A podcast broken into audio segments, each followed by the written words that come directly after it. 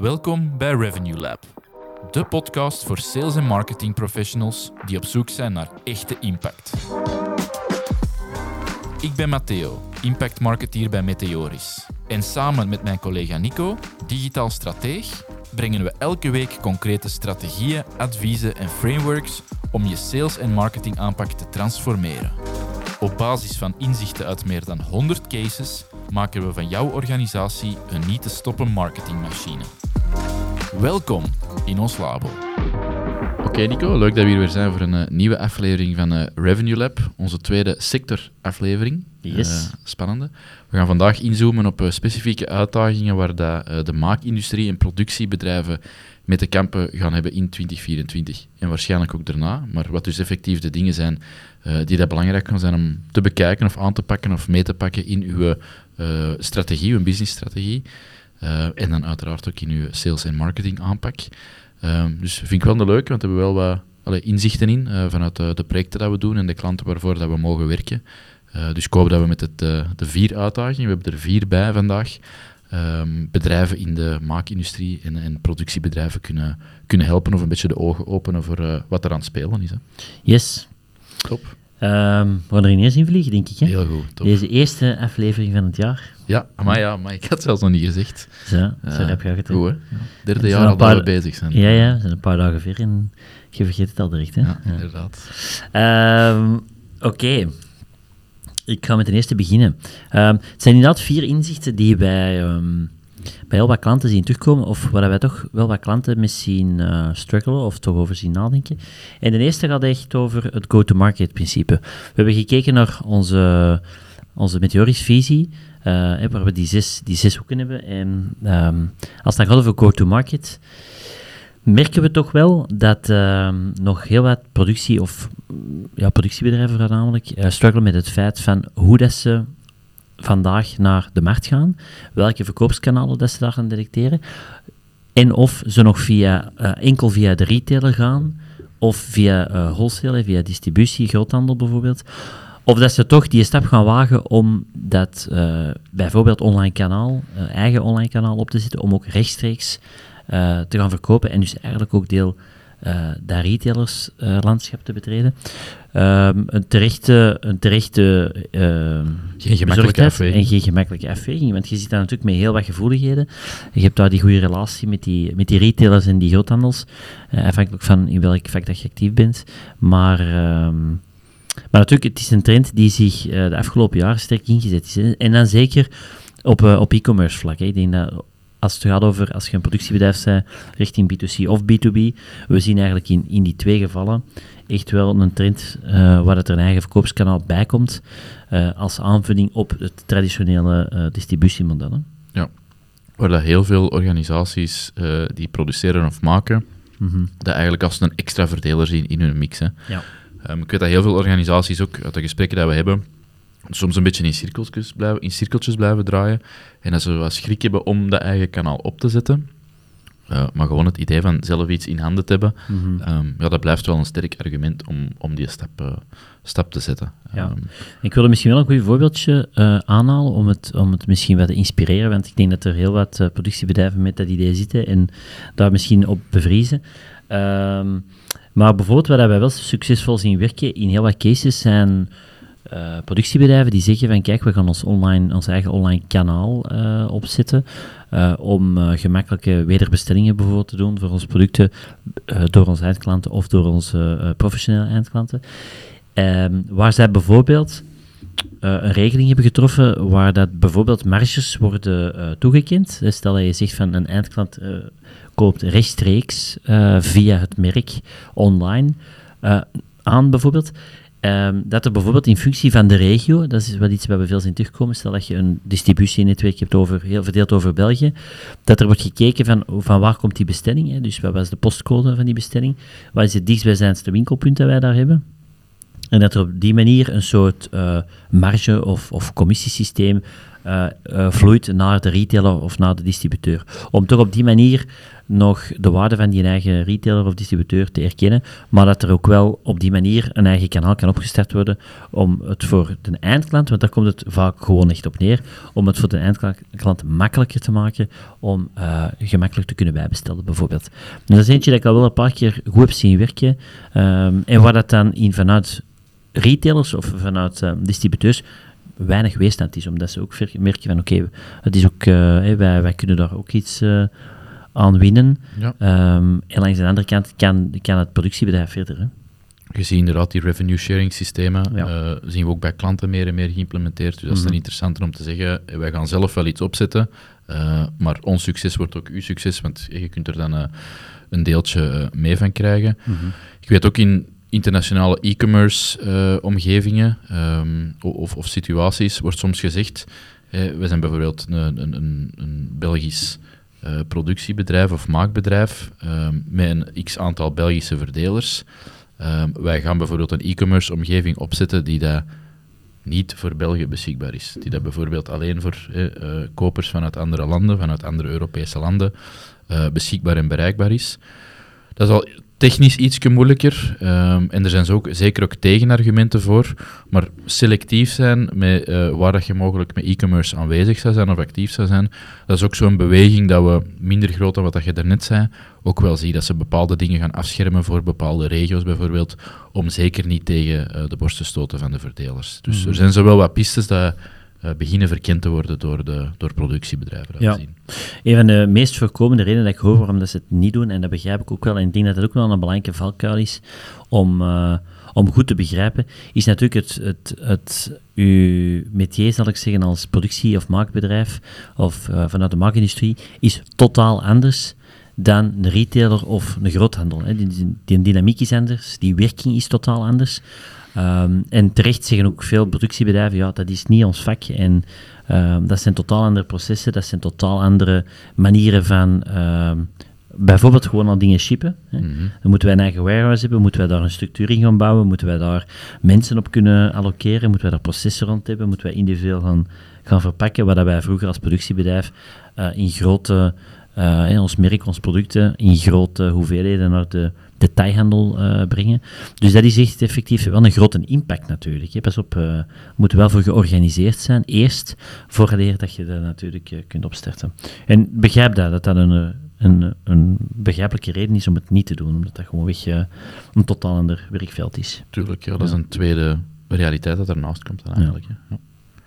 Ja. Goed. Um, een uitdaging die natuurlijk voor elk bedrijf anders is en um, de keuze daarin totaal anders is. Maar ik denk dat we hier ook vooral willen zeggen, het is eentje waar dat er uh, veel in zal bewegen nog volgend jaar. En, um, en waar dat er een keuze in moet gemaakt worden. Want uh, we merken toch dat het uh, verlammend werkt hè, bij veel bedrijven. Ja, inderdaad, wat ik dan er straks zei, dat ze een beetje in, in rondjes er blijven draaien, schrik hebben, het halve doen en dan eigenlijk niet echt doen. Dus dat is wel iets waar je resoluut moet zeggen, ja, we gaan het niet doen.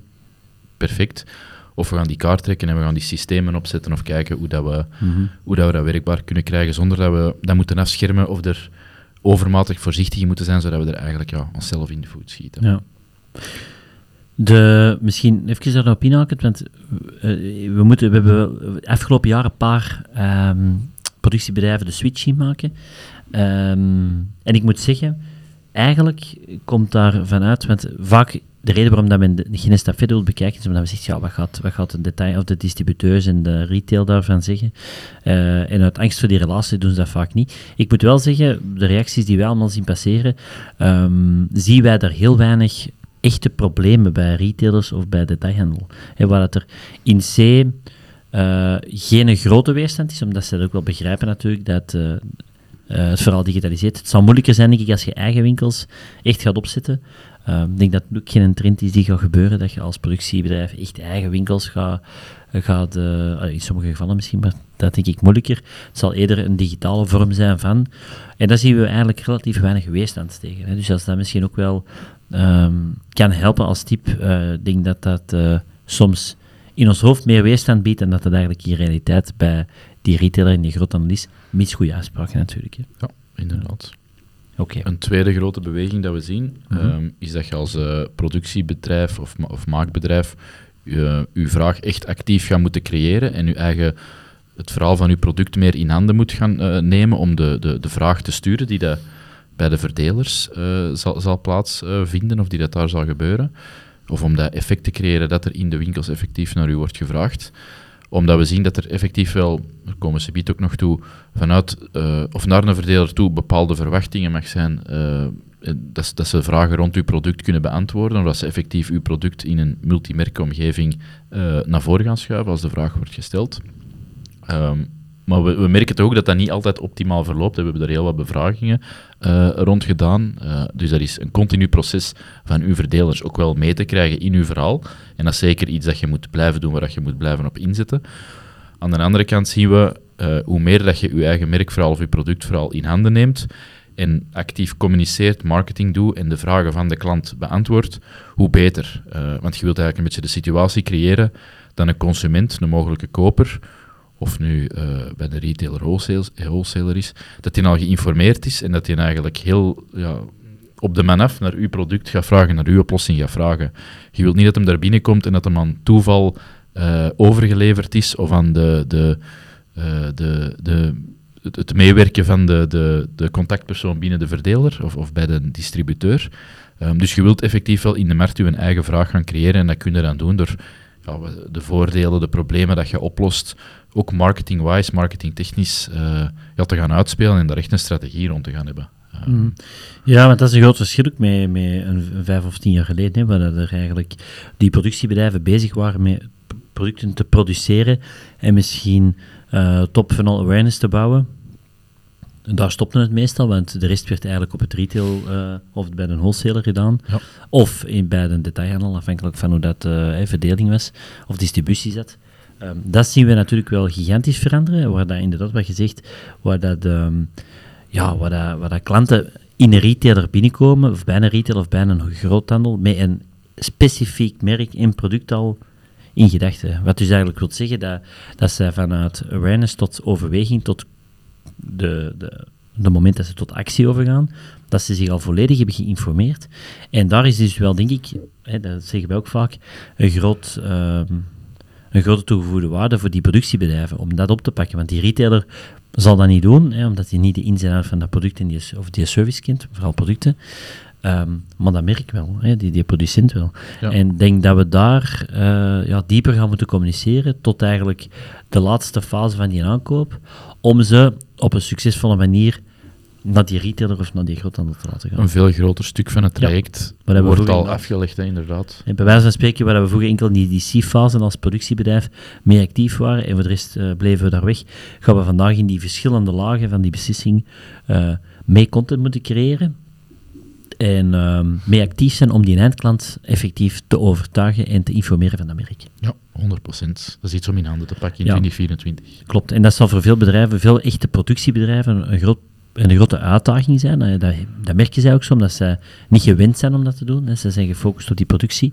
Uh, maar dat heel dat communicatielaag gaat alsmaar groter worden. Dus uh, daar moet u op gaan equiperen. Ja. Hey, Nico hier. Ik hoop dat deze aflevering je waardevol inzichten en inspiratie geeft om meer impact te maken. Moest je exact willen achterhalen hoe matuur je huidige aanpak is, laat dan zeker je Meteoriscore berekenen via onze website meteoris.eu. De Meteoriscore geeft op een objectieve manier weer hoe jouw inspanningen zich verhouden tot organisaties van gelijkaardige grootte en je sector in het algemeen. Het is helemaal gratis en het vertelt je precies welke next steps je moet tackelen en in welke volgorde voor maximale business impact. En nu terug naar de aflevering. Derde puntje is... Um, de database? uh, ja, zeker, absoluut. Uh, wou ik toekomen. um, dat het als uh, productie- of maakbedrijf effectief, en net zoals het in handen nemen van marketing van uw eigen merkverhaal, dat het ook superbelangrijk, um, en dat is al langer, maar dat het superbelangrijk is om eigen database, een eigen database op te bouwen, eigen klantengegevens te verzamelen, zodat je, inhakend op puntje 2, ook zelf structureel marketing kunt gaan doen. Ja. Uh, die eigen database, dat gaat over alle sectoren heen belangrijk worden. Maar als je ziet, ja, de, de, de, de aantallen dat je als retailer uh, of als um, merk dat bij retailers beschikbaar is, zou kunnen binnenhalen. Je kunt redelijk snel, als je acties zou doen over een, uh, heel veel data, heel veel contacten beschikken, waar je dan acties op kunt gaan doen, kunt die gaan segmenteren. eh, kunt voor gaan relevant eh, aanwezig zijn met uw paid-campagnes, met e-mailcampagnes. Uh, dat, wordt er wel, ehm, ja, dat wordt wel cruciaal, dat je dat zelf in handen hebt en dat je dat zeker niet aan het toeval overlaat. Ehm, dus voor iedereen belangrijk, maar misschien toch nog wel dubbel belangrijk voor. ja, ja omdat die dat dus niet hebben. Hè. Ja. Die hebben dat vandaag niet, omdat die niet gewend zijn om, hè, wat je er straks zei, om eigenlijk tot op het einde te gaan communiceren. Um, zij communiceren hooguit naar de groothandel zelf en hebben we algemene assets om uh, vanuit een awareness fase of vanuit winkelpuntcommunicatie in te zetten. Maar daar stopt het wel. Hè. En uh, door die eigen database te gaan bouwen, door bijvoorbeeld um, te gaan monitoren wat er op de website gebeurt, uh, hoe mensen dingen beginnen te consumeren op de website en wat je daaruit kunt leren om je communicatie vooral beter te maken, ja, daar is die eigen data voor belangrijk. Hè. CRM zal dat belangrijk zijn, eigen marketing automation databases bouwen. Dat zal ook een belangrijke zijn. Um, dus een belangrijk aandachtspunt voor volgend jaar om daarmee te starten. Om die, echt te gaan kijken waar gaan we ons database bouwen, hoe gaan we dat doen. En vooral uh, welke, welke meetpunten gaan we daar ja, En wie kan er op welke manier instromen, maar dat hakt dan een beetje op het vorige hmm. uh, puntje in. Hè. Puntje 4? Puntje 4. Ah, eentje die al lang meegaat, maar die um, alsmaar prangender of belangrijker wordt. Ik denk dat we er onlangs met Luc Campo ook een heel goed gesprek over gehad hebben. Um, al een paar zelfs. Al een paar zelfs, ja, inderdaad, al een paar zelfs. Um, hoe dat je vandaag als re... Dat is dan vooral um, een uitdaging bij retail, maar ook zeker bij die productiebedrijven. Hoe dat we, nu dat we toch beseffen dat we tot op het einde mee gaan moeten communiceren, om die klant helemaal te overtuigen, om een goede aankoop te kunnen doen in die winkelpunten. Um, hoe gaan we ervoor zorgen dat we die on- en offline interacties die er zijn, online via onze merken, onze socials, onze website van het merk, tot effectief de, het bezoek van een retailer of een groothandel om daar dan een aankoop te doen. Hoe gaan we ervoor zorgen dat we maximale integratie hebben en consistentie van uh, content die we ter beschikking hebben, maar ook van meetbaarheid. En we zullen misschien, het zijn eigenlijk twee aparte dingen, denk ik. Hè. Die on- en offline integratie bekijken wij naar content uh, en consistentie. En twee, uh, bekijken wij naar meetbaarheid. We zullen op die eerste misschien even eerst inzoomen, content en consistentie. Ja, dat, ja het, het, is eigenlijk redelijk eenvoudig, maar het is, het is wel een belangrijke om mee te pakken. Het verhaal dat we online vertellen, mm -hmm. uh, gaat zich dat ook doorvertalen naar wat dat er in de, de winkel, bij de retailer, bij de verdeler wordt verteld. Um, en in een ideaal scenario zit er ook ergens bijvoorbeeld bepaalde terugkoppelingen in. Mm Dat is misschien al een klein beetje een preview voor het, het meetbaarheid gegeven. Maar is het bijvoorbeeld zo dat je een verhaal begint te vertellen online of met je, um, uh, met marketingcampagnes, met de mediacampagnes dat je zou doen, zet, ze, zet je dat voort in materiaal dat er in de winkel uh, beschikbaar is. En als er daar bepaalde keuzes worden gemaakt of als er daar bepaalde dingen opvallen, kan er daar dan bijvoorbeeld weer worden teruggekoppeld van oké, okay, kunnen we dit verhaal kunnen we nu verder zetten online bijvoorbeeld. Dat je zo'n beetje een, een loop is misschien een groot woord, uh, ja, maar dat, je, dat, je, het verhaal verder blijft zetten en dat je ervaring of experience, mm. het, is, het, is, een platte term misschien, maar dat je dat, dat plaatje wel volledig uh, hebt. En dat iemand, want dat zien we heel vaak, dat er een prachtige online campagne is, dat je niet in de winkel verloren loopt, omdat dat daar niet doorloopt in materiaal. Dus die integratie van materialen, en het gaat zich ook in meetbaarheid doorzetten, komen ze toe, is wel uh, een, een belangrijke. En ik denk dat de Luc er ook een goede term voor heeft digitaal. Hè, dat, dat, het fysieke in de winkel en het digitale, ja, hij pakt dat dan samen in één woord. En, en dat is een, een, een bredere trend dat we zien, maar dat moet effectief wel geïntegreerd zijn. Um, ja, want je creëert misschien heel wat, uh, wat blogcontent, wat videocontent over het gebruik van die producten, ja. of over uh, het onderhoud van die producten, of over het, uh, bijvoorbeeld het, verschillende mogelijke inzetbaarheid van die producten. Um, en dat doet het dan als merk digitaal, maar die hebben eigenlijk een heel mooie plaats op de winkelpunten. Hè. Ze zouden perfect um, delen kunnen uithalen die je scanbaar maakt in de winkel, doordat je mensen daar ook op dat moment, dat juiste moment die meepakt. Of vergelijkingen tussen, stel dat je een reeks hebt met vijf uh, met vijf verschillende series bijvoorbeeld. Ja, je hebt er ongetwijfeld online een vergelijking rond uitgeschreven of een video rond uitgewerkt. Ja, hoe, waarom brengen we dat niet naar winkelpunten? Dat mensen op de, dat moment zelf die vergelijking kunnen bekijken, kunnen, kunnen lezen. Want we, we herkennen het allemaal als we mensen in een retailer of bij een groothandel uh, rond zien lopen. Dan staan ze dan meestal ergens tussen de rekken met hun gsm in hun hand. Ja. Um, om toch eens even te dubbelchecken waar dat, dat product net voor stond of waar dat de verschillen zijn tussen product A of product B dat ze al twee in de rekken vast hebben. Dus daar hebben we denk ik als merk een gigantische opportuniteit om dat zelf al uh, te gaan faciliteren. En we hebben het vaak al, maar we gebruiken het niet in de winkels. Nee. Dus uh, dat is wel volgens ons een trend die zich volgend de komende jaren nog verder gaat doorzetten en waar, we, waar we eigenlijk niet gaan kunnen rondkijken in de winkelpunten. We zijn daar nu in heel veel woorden aan het uitleggen, maar ik had een heel goed voorbeeld dat ik van de week nog had uh, meegemaakt met iemand dat de reinigingsmiddelen voor vloeren, voor vloeren ja. en, en, en steenoppervlakken had. ja, ja. En uh, daar was bijvoorbeeld eh, uit de inzichten van de afgelopen maanden gekomen dat heel veel mensen uh, het merk wel kennen, Ja. maar dat die dan naar de, de winkel gaan of naar een verkooppunt en dat het daar voor hun niet duidelijk is van, tja, welke steen heb ik nu eigenlijk? Ja, En door dan een soort van keuzehulp in de winkel fysiek te gaan maken van, oké, hey, aan, aan, doe uw steen dit en dit en dit, weet nu niet of het in een, een soort van flowchart was uitgewerkt, maar dat je wat stapjes loopt en dat je dan weet, ah, ik heb een, uh, een, blauwe, een, een blauwe hardsteen, of ik zou, ik zou de namen nog eens even moeten opzoeken, maar dat je weet, oké, voor blauwe hardsteen is dit geschikt, en als je dit zou kiezen, ja, dan ga ik het misschien net het tegenovergestelde effect geven.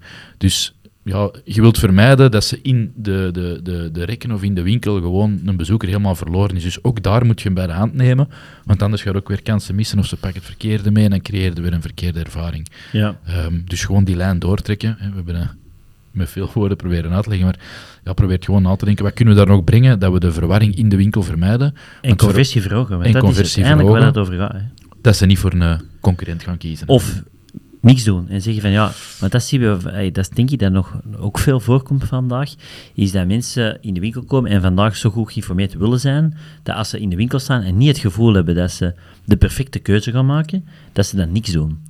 Uh, vroeger was dat, dat is nooit anders geweest, denk ik, maar ik denk wel dat het effect groter is geworden omdat er zo'n overaanbod is aan informatie Ja.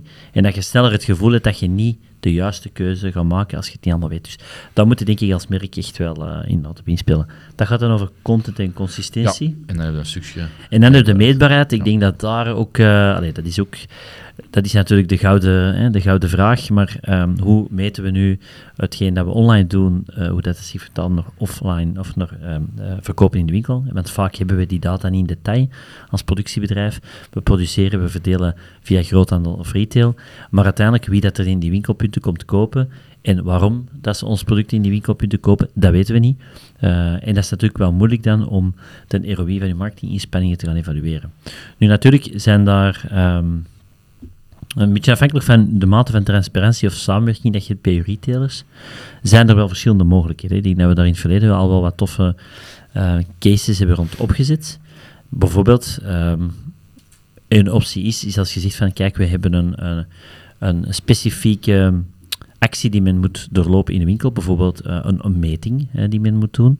Ja, en we kunnen uh, afstemmen met de retailers dat we basisdata van die meting doorgestuurd krijgen. Dan kunnen we dat natuurlijk altijd wel terugkoppelen aan de activiteiten die geweest zijn op de website en de socials en in onze marketing automation platformen als productiebedrijf. Dus dat zou een mogelijkheid kunnen zijn, maar dan moeten we natuurlijk een eikpunt hebben in die winkelpunten, hè, wat er niet altijd is natuurlijk. Inderdaad, of je zou heel specifieke uh, codes daar kunnen voorzien, uh, een beetje inhakend op het contentverhaal, die gescand kunnen worden, die naar landingspagina's voeren, waar dat, uh, die dat via andere wegen niet beschikbaar zijn, worden daar gegevens achtergelaten, weten mogelijk ook weer iets. Dat is dan niet per se een aankoop, maar dan kun je een klein beetje kijken naar efficiëntie van inzetten van online middelen. Um, je zou ook verbanden kunnen zoeken tussen lokale, rondom verdelers gebaseerde advertising dat je doet, Um, en dat afzetten tegenover verkoopsdata, heeft dat effectief een effect.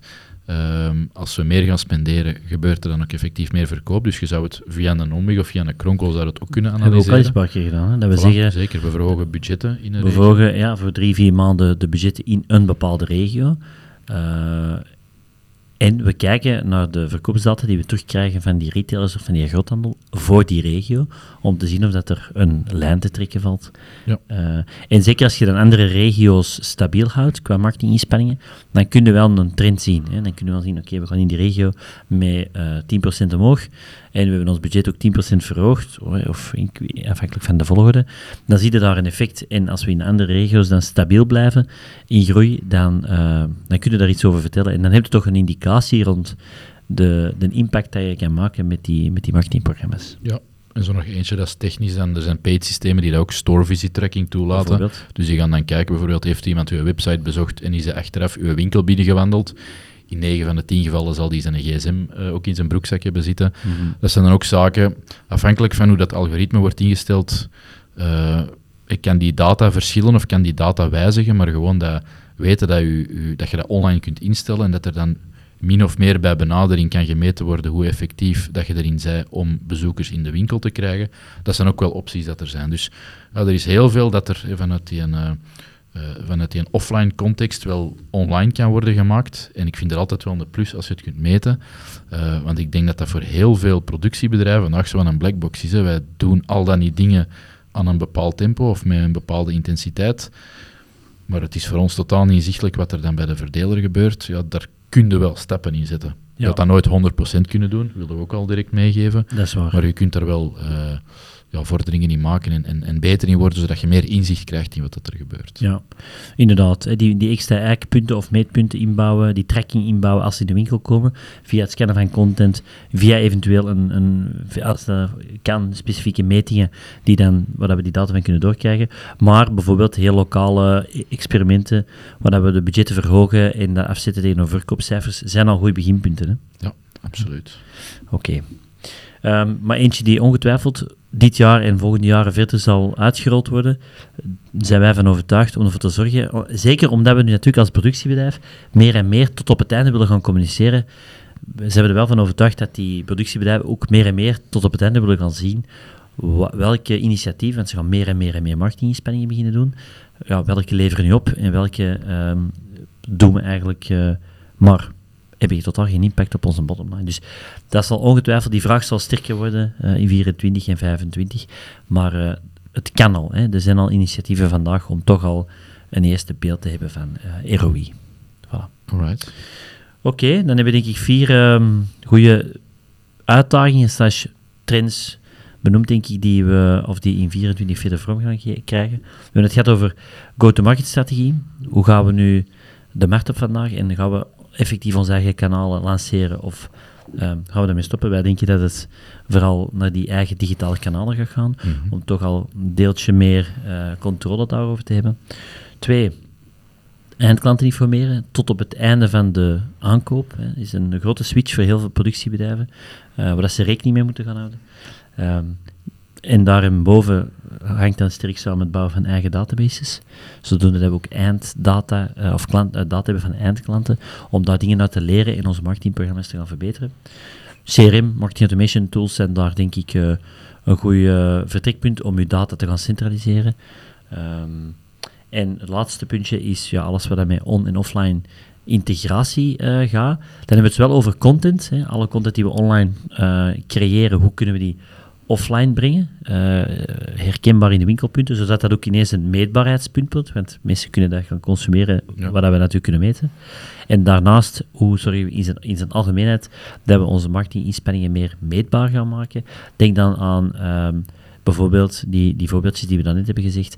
Maar eh, het zal toch belangrijk worden om uw marketingprogramma's die alleen maar gaan stijgen of gaan groeien, om die eh, tegen het licht te kunnen houden.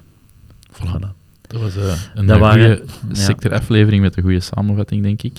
Er komen nog sectoren aan, dus eh, zeker blijven volgen. Voilà. Ehm, voordat ik hem naar u smijt, misschien nog eens even zeggen, op 11 januari doen wij onze eh, volgende expertsessie via LinkedIn Live.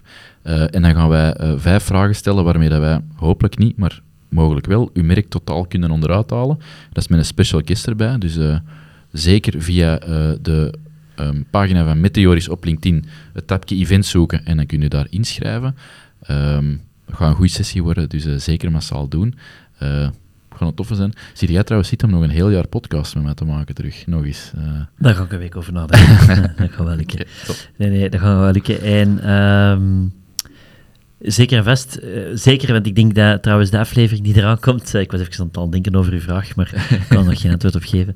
Ehm, zeker aansluiten en vooral ook de volgende afleveringen zeker mee volgen, want we gaan er eh, nog een paar toffe trendafleveringen van maken. Ehm, en moesten hier natuurlijk vragen over zijn, laat het ons weten. Of zit het met een van die trends of uitdagingen, staan die hoog op de agenda? durf zeker even aan te kaarten, dan kunnen we erin meehelpen. En anders ehm, horen en zien we jullie graag tijdens onze eerste expertsessie. En anders uh, moest je niet kunnen aansluiten tijdens onze revenue Lab. Alvast tot snel en bedankt.